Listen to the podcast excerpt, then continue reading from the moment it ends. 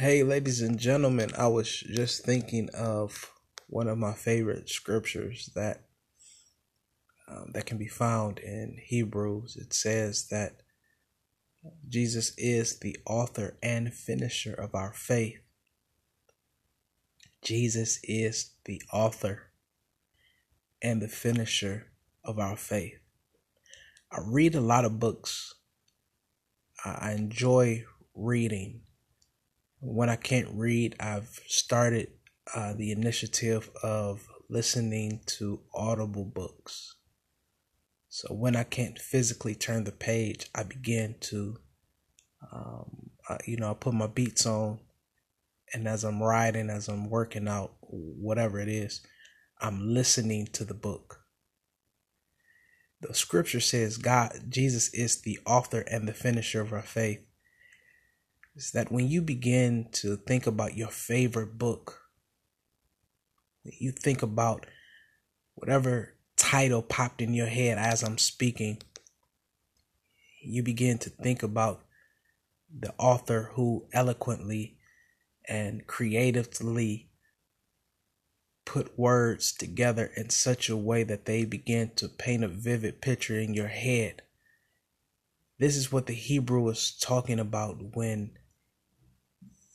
the individual is in alignment and has a relationship with Jesus Christ, that as Jesus is writing the next chapter of your life, as God is writing the next stages of your life, you have the ability to participate in the divine power and works of what God is doing in order to create the outcome of your life is that when you begin to you have the ability to co-author with Jesus Christ. That is such a beautiful thing that when you think about that, it literally means that what happens yesterday does not matter.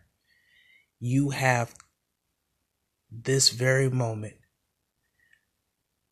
to get in relationship with Jesus. Build relationship. A lot of times people say Jesus is a relationship and not a religion. That is so true.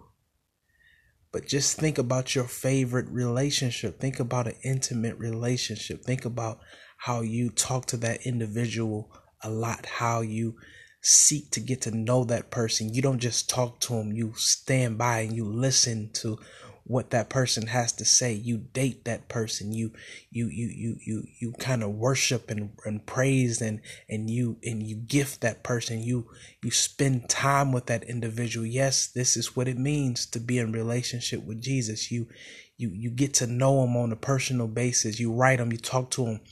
You you you do all of these things and your relationship with jesus gets better once you begin to understand his word and know God's voice, you know the voice of God because you know his word, and his word can be in the Bible.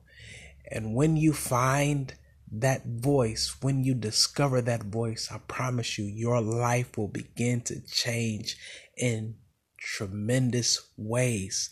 And as you walk in faith, faith is simply believing what you've heard that God had done, when you when you heard what God did in the life of someone else, when you heard that he was able to heal, when you heard the word of God, the scriptural referred word of God, when you heard it and you believed it in your spirit and you acted in it, that's faith.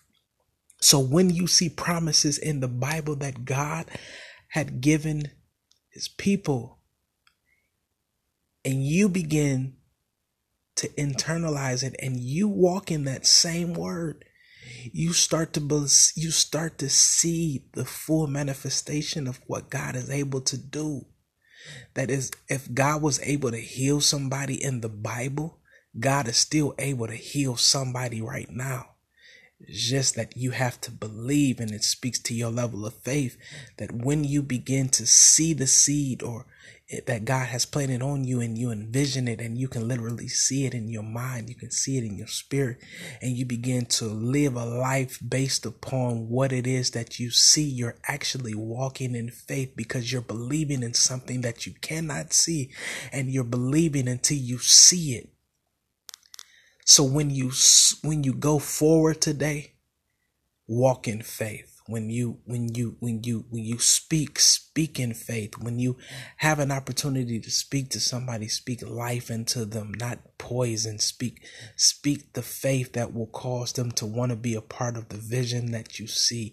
When you are around people make them uh, see that you are on a mission to become greater and, and better. You have to be what you see before it comes because you have to match the spirit in which you envision. Listen, I'm telling you, God, Jesus is, and when I say God and Jesus, I'm saying that on purpose. It's interchangeable. God is Jesus. Jesus is God. Yes, Jesus came in flesh. He is, uh, he is uh, an extension of God that came in fleshly form, but he is the divine power of God. So when I say Jesus and God, I'm saying it interchangeably. I don't want you to think I'm talking about two different entities. They are they're the same.